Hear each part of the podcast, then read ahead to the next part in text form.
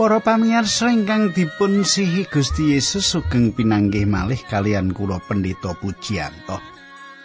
Kados padatan kula badhe sesarengan panjenengan ing sawates wekdal menika wonten ing salebetipun adicara margi utami. Adicara ingkang sampun dados klangenan panjenengan inggih menika panjenengan dipun dherekaken. Anggegilo dipun dherekaken nyemak dipun dherekaken ningali kayektosan kayektosan saking pangandikanipun Gusti. Nah kadang kula awet saking pentingipun adicara menika monggo panjenengan kula aturi lenggah ingkang sekeca sugeng midhangetaken adicara menika.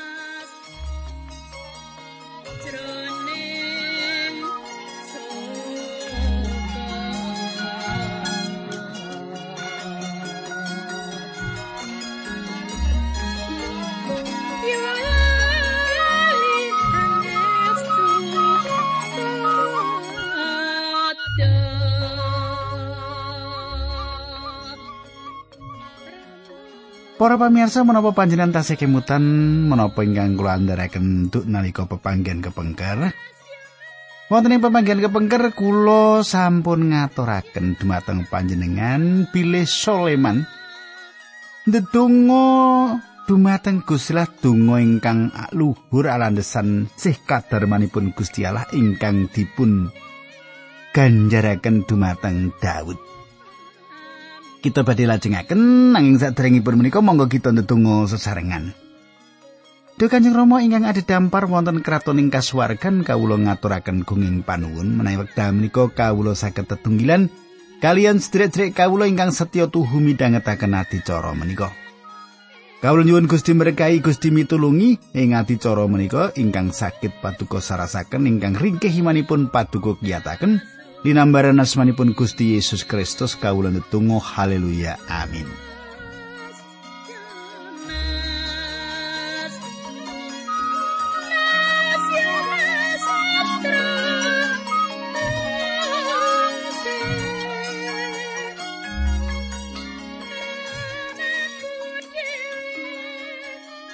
Para pamirsa ingkang kula tresnani pasinaon kita sampun lumebet kitab kalih babat bab pitu nggih. Kita sampun lumebet kalih babat bab pitu.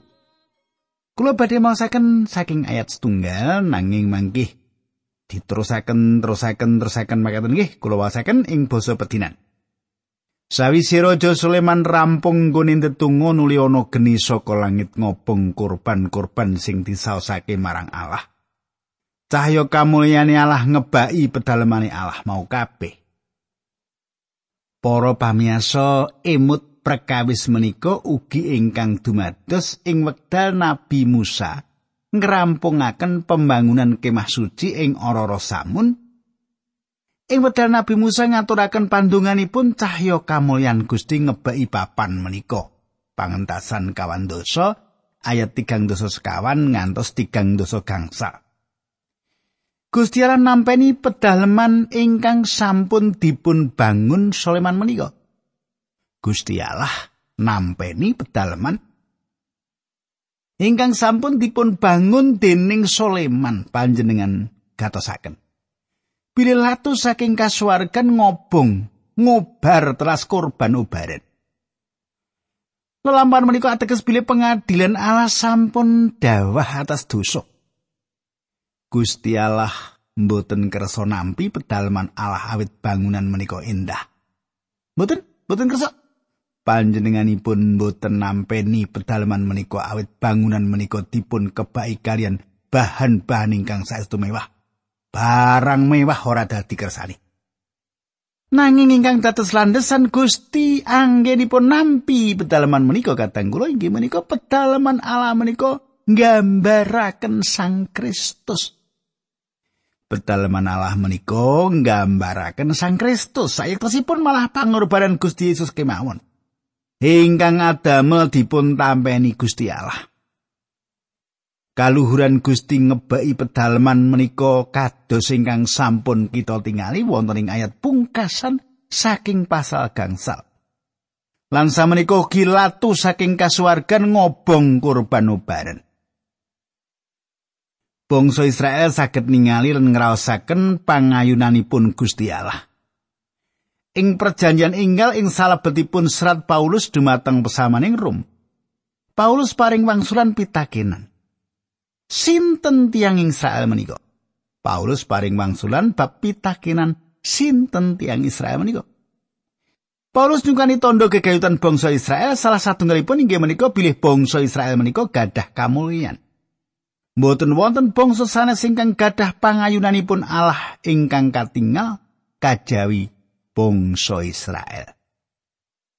Para pamirsa kula lajengaken ayat kalih lan tiga nggih tak wacake nggih panjenengan semak. Nganti para imam padha ora bisa mlebu ing kono bareng rakyat Israel ndeleng ana geni tumurun saka langit. Lan cahya kamulyane Allah ngebaki pedalaman Allah banjur padha sujud ing lemah. Sarto nyembah lan memuji marang Allah mergo panjenengani nindakake kesainan lan siye langgenging selawasi. Para pamirsa lelampahan menika satunggalipun pratela ingkang kula pitados badhe mlebet lan dados tambahan tembung-tembung panjenengan. Lan babagan menika panjenengan badhe lantaraken ing saben wekdal. Gusti menika kebak sih kadarman pilih sesu setianipun langgeng. Panjenengan imut menapa ingkang kasrating Mazmur 107 ayat setunggal kalih makaten surasipun Padha saosa puji syukur marang Allah awit panjenengan iku maha asih sih kasetyane langgeng selawase. Kaya mengkono pangucape wong-wong sing padha diluari dening Allah saka tangane mungsuhe. Samenika kali babat pitu ayat sekawan ngantos gangsal. Sawise mengkono Raja Sulaiman lan wong kabeh kang ana ing kono nuli padha saos kurban marang Allah. Raja Sulaiman nyaosake kurban keselamatan rupa sapi 22.000 lan wedhus gembel 120.000. Mengkono sang Prabu lan rakyat kabeh nggone padha nganakake pangibadah masrahake pedalamane Allah marang pangeran. Para pamirsa, ayat-ayat menika sampun nuwuhaken kathah kritik dening golongan skeptis ingkang nangketaken wucalan kitab suci. Tiang-tiang menika remen ngritik alanesan tigang perkawis yang tunggal golongan menika sanjang bilih pisungsung lan korban obaran menika satunggalipun patrap boros. Kaping kalih manut golongan menika mboten bakal mapanaken kathah kewaning mesbeh. Angka 3 golongan menika sanjang bilih njagal kewan kathah menika mboten dipun betahaken. Para pamirsa samenika monggo kita nyemak ing tigang perkawis menika saking tetinggalanipun kitab suci. Kita perlu ningali perkawis-perkawis menika saking tetinggalan pangandikanipun Gusti Allah. Ingkang kawitan sinaosa pedalaman Allah satunggalipun punjering saking sedaya kegiatan, kula gagas bilih mboten sedaya kewan menika dipun kurbanaken ing satunggal mesbeh. Kangge acara mligi menika bangsa Israel saged ugi mbangun kathah mesbah ing sakiwa tengenipun pedalaman Allah. Prakawis menika sanes satunggalipun ingkang boten dipun tindakaken. Samenika kenging menapa kok kathah ngedalaken biaya? Prakawis menika dipun petahaken supados saben daerah gadah kurban obaran piyambak-piyambak. Ing wekdal umat Israel medal saking tanah Mesir lan mendo dipun sembelih kangge saben keluarga, Secara harapiah tentu wonten ewon mindo ingkang dipun bleh dalu menika. Makna utaminipun inggih menika bilih perkawis menika nglambangaken pangorbanan Gusti Yesus Kristus. Para pamirsa, Simon Petrus sing salebetipun setunggal Petrus setunggal ayat 18 meratelaken makaten. Sebab kue padha sumurup apa sing kanggo nebus uripmu sing tanpa guna, sing kok warisi saka leluhurmu. Dudu barang sing bisa rusak uga dudu sloka utawa emas nanging srana kurban sing pengaji banget ya kuwi Sang Kristus piyambak kaya dene wedhus sing tanpa cacat lan mulus Para pamirsa kurban ingkang dipun tindakaken menika mboten satunggalipun patrap boros. Awit menapa? Awit patrap menika ngarah dumateng Sang Kristus. Jalaran ingkang kaping kalih inggih menika sanes mucal biaya tanpa gina awit daging menika dipun ginakaken sasampunipun upacara menika. Sinaosa korban ubaran menika sawetahipun dipun obong ngangge geni. Pisungsung-pisungsung sanes kados korban karukunan, korban bedamen, dipun tedha dening umat. Upacara penyerahan pedalaman Allah menika satunggalipun riyaya ingkang ageng. Para pamirsa, kula naliti bilih tiang remen ngrembak gegayutan biaya ageng ingkang dipundalaken demi kepentinganipun Gusti. Inggih satunggalipun kasunyatan ingkang ndudut manah bilih malah tiang Kristen lepat awet jinis kritikan kados makaten menika. Asring kita ningali bilih ing wekdal satunggalipun kahanan dipun agem dening Gusti. Mila menika dipun anggap satunggalipun patrap ingkang boten wonten ginanipun. Nanging ing wekdal sedaya dipun telasaken kangge jagat pramila patrap ingkang kados makaten menika ingkang dipun anggap leres. Sinten kemawon ingkang gadah pikiran bangsa Israel jagal kekatahan kewan kangge korban? pinten kathahipun kewan ingkang dipun jagal kangge rakyat kita ing saben dintenipun. Wonten ewon kewan ingkang dipun jagal saben dintenipun ing papan penjagalan kewan. Nanging boten wonten satunggal tiang kemawon ingkang protes. Paling boten sedaya menika dipun tindakaken kangge leganing manah kita to. Nanging wedal dipun ginakaken kangge kamulyanipun Gusti Allah kenging menapa tansah wonten tiang ingkang karatan. Kula mboten mangertos kegayutan kalian panjenengan nanging kula mihak dumateng Sulaiman ing mriki. Kula pikir piyambakipun nindakaken perkawis ingkang leres sawit kurban menika nggambaraken Gusti Yesus Kristus lan panjenenganipun sampun ngesokaken rahipun ingkang ngaji kangge kula. Ayat 6 kalih babat pitu ayat 6 Para imam padha ngadeg ing panggonane dewi-dewi adep-adepan karo wong Lewi sing padha memuji marang pangeran nganggo alat musik sing digawe dening Raja Daud. Karo menyanyi sih kadarmane langgeng ing selawase, kaya sing diwarahake dening Raja Daud, para imam padha nggunakake slompet lan rakyat kabeh padha ngadeg. Para pamirsa, kula gadah pengajeng-ajeng saged nderekaken umat Allah muji lan sanjang bilih Gusti Allah menika sae lan sih kadarmanipun terus ngantos selami-laminipun. Kados menapa saenipun Gusti Allah dumateng kula sadangunipun menika menapa panjenenganipun sampun nindakaken perkawis ingkang sae dumateng panjenengan? Ayat pitu wolu. Latar ngarepe pedalaman mau sing tengah banjur disucikake kagem Allah. Panggunan mau banjur kagawe saus korban hubungan korban daharan nganggo gajih saka korban keselamatan. Sulaiman nggone saus korban ana ing kono jalaran mesbeh prunggu sing wis digawe kecilian kanggo korban mau kabeh.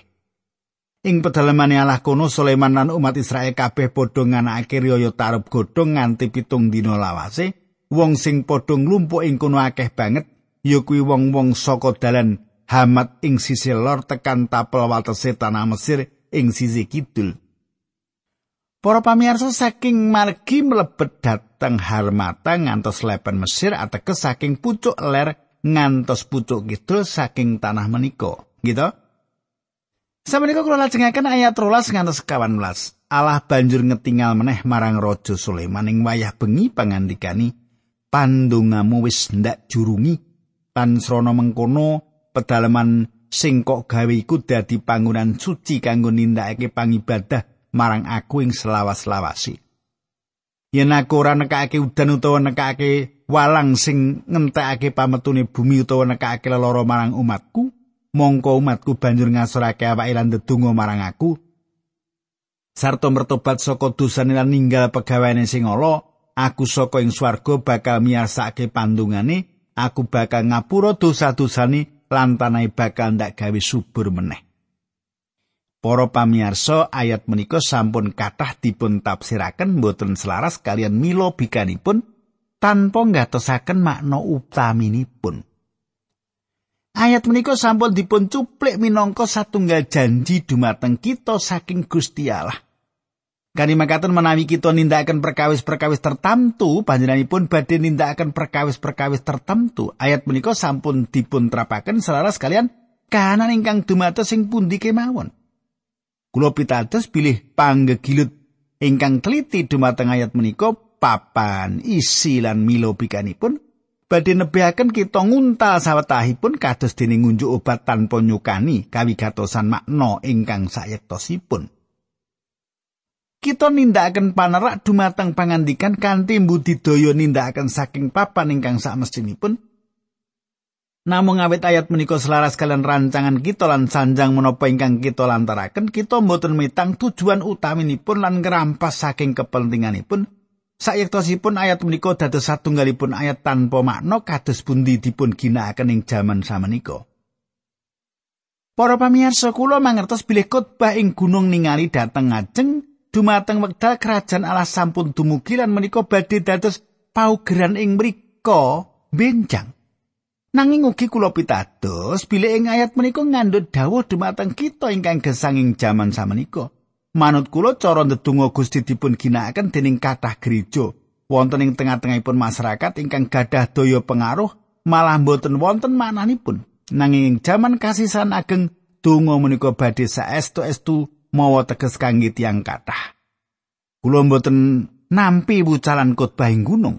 Khotbah menika ngetingalapun bilih manungsa menika papanipun wonten ing ngandhap ukuran ingkang dipun tetepaken Gusti Allah. Kula manggihaken donga Gusti Yesus wonten ing ginanipun. Emut tembung-tembung lami ingkang meratelaken sedaya kitab dipun serat kangge kita, nanging mboten sedaya kitab suci dipun tulis dumateng kita. Tafsiran satunggal ayat kitab suci badhe mucalaken menapa liripun ayat menika ing salebetipun mila bikanipun lan ugi kahanan ing wekdal ayat menika dipun serat. Ayat menika saged ugi mboten dipun alamataken dumateng kita sadaya. Kita mboten saged anggegilut gegayutan kathah dawuh ingkang dipun paringaken ing salebetipun perjanjian lami ingkang sanes satunggalipun dawuh-dawuh ingkang dipun alamataken dumateng kita nanging trap-trapan saking sedaya wucalan kitab suci dipun tujuaken kangge kita. Gusti Allah kagungan ingkang kangge mucal kita saking kitab suci sedaya menika. Para pamirsa, monggo kita wangsul ing kalih babat pitu ayat 14. Asal usulipun ayat menika inggih menika ing wekdal dipun resmekaken pedalaman Daud ingkang dipun bangun Sulaiman. Menika pangandikanipun Gusti Allah dumateng Sulaiman, gegayutan tanah ing wekdal semanten.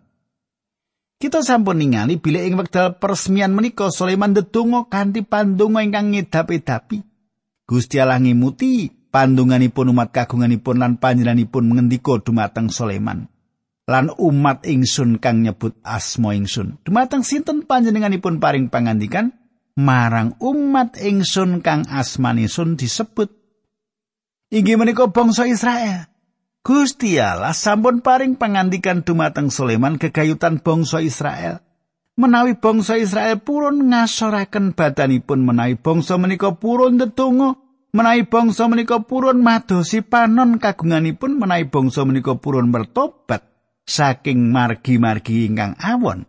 Pramila Gusti Allah paring janji prasetyo tigang perkawis dumateng bangsa Israel Panjenengan badhe mirengaken pandunganipun panjenengan badhe ngapunten dosanipun ugi badhe mulihaken bangsa menika lan sejarah nedahaken anggenipun pas lan leres gegayutan janji-janji menika.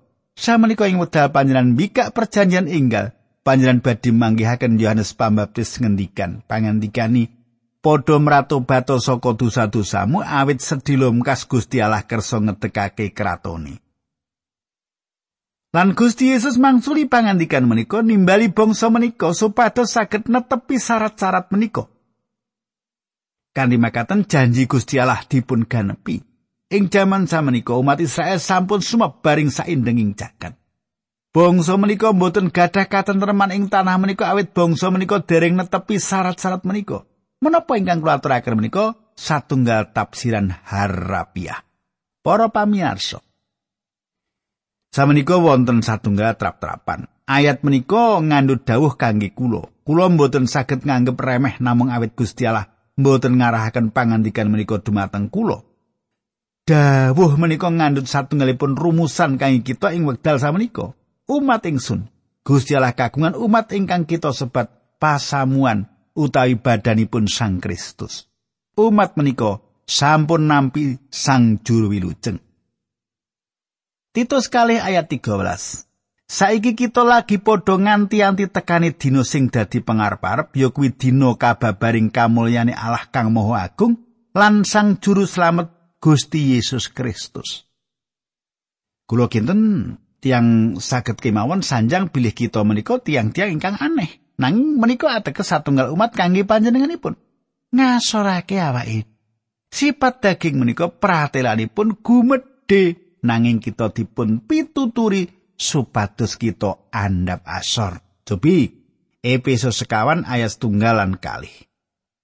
Mulane aku wong sing dikunjara merga nggonku nindakake ayan peparinge Sang Kristus ngata-katak marang kowe uripmu cundukno karo kersane Gusti Allah sing wis nimbali kowe. Lakumu sing andhap asor sareh lan tansah sabar, katresnanmu padha wujudna srana tulung tinulung. Para pamirsa ing salebetipun Galatia 5 ayat 21 ngantos 23 dipun pratelaken bilih sabar lan alusing budi satunggalipun wah-wah roh. Anda pasor dipun cetaken kangge tiyang pitados sing jaman samenika. Ndedonga mesti kemawon kathah. Kathah sanget kita dipun pituturi yang perjanjian hingga sepatus kita ndedonga. Gusti Yesus paring pangandikan dumateng para muridipun supados waspada lan ndedonga. Serat-serat kentunan ngandut kathah dawuh supados ndedonga nggoleki panoningsun. Ugi satunggalipun pitutur ing salebeting perjanjian inggal. Jubi panjenengan semak Kolose 3 ayat setunggal ngantos kali. Sarening kowe wis padha katangekake bareng karo Sang Kristus. Mulane padha ngupaya samubarang kang ana ing swarga ing panggonane Sang Kristus pinarak ing dampar sisih tengene Gusti Allah. Padha mikira sabarang kang ana ing kono aja sing ana ing donya kene. Salajengipun meratobato saka dosane. Menika ugi kangge kita Gusti Allah kagungan kata perkawis kangge dipun lantaraken kegayutan kalian pamratobatipun tiang pitados. Samenika ayat 19 nggih. Kolose 3 ayat 19 wong-wong sing ndak tresnani kuwi sing ndak welehake lan ndak ajar mulane padha ditemen pangabektimu lan padha mratobato ninggalo dosa-dosamu. Para pamirsa samenika kados pundi alama karya Gusti Allah paring janji bilih panjenenganipun mirengaken saking kasuwargan. Setunggal Yohanes 3 ayat 21 lan apa wae sing kita suwun mesti diparingake merga kita netepi saking dawe sarta nglakoni apa sing ndadekake keparengi. Panjenenganipun paring janji badhe ngapunten dosanipun. Setunggal Yohanes 3 ayat 9 Nanging menawa kita padha ngakoni dosa-dosa kita marang Gusti Allah, panjenengane bakal netepi janjine lan tumindak adil, temah bakal ngapura saking dosa kita sarta ngresi saking piolo kita. Tanai bakal ndak gawe subur meneh. Ayat kok ingkang kula waos kula wau. Pangandikan menika mboten kangge kita, kula mboten saged manggihaken ing perangan pundi kemawon, Ing salebetipun perjanjian inggal ing mriku Gusti sampun janji kangge mulihaken hak milik tanah pribadi. Para pamirsa menawi Gusti Allah sampun berkahi panjenengan ing babagan bisnis. Menika satunggalipun tambahan berkah satunggalipun berkah ingkang dereng dipun janjiaken dening panjenenganipun. Mboten wonten satunggal ayat ingkang meratilaken bilih Gusti Allah badhe berkahi babagan bondo donya dumateng kita. Kita sedaya dipun berkahi kanthi berkah-berkah kasukman ing salebetipun Gusti Yesus Kristus. Kita menika tiang monco mengsah-mengsah Gusti Allah. Lan samenika kita sampun dipun dadosaken putra-putranipun Gusti Allah. Kita sampun dipun tebus dening rah Sang Kristus lan panjenenganipun ngapunten dosa-dosa kita. Swarga inggih menika griya kita lan Yerusalem inggal dados tujuan kita.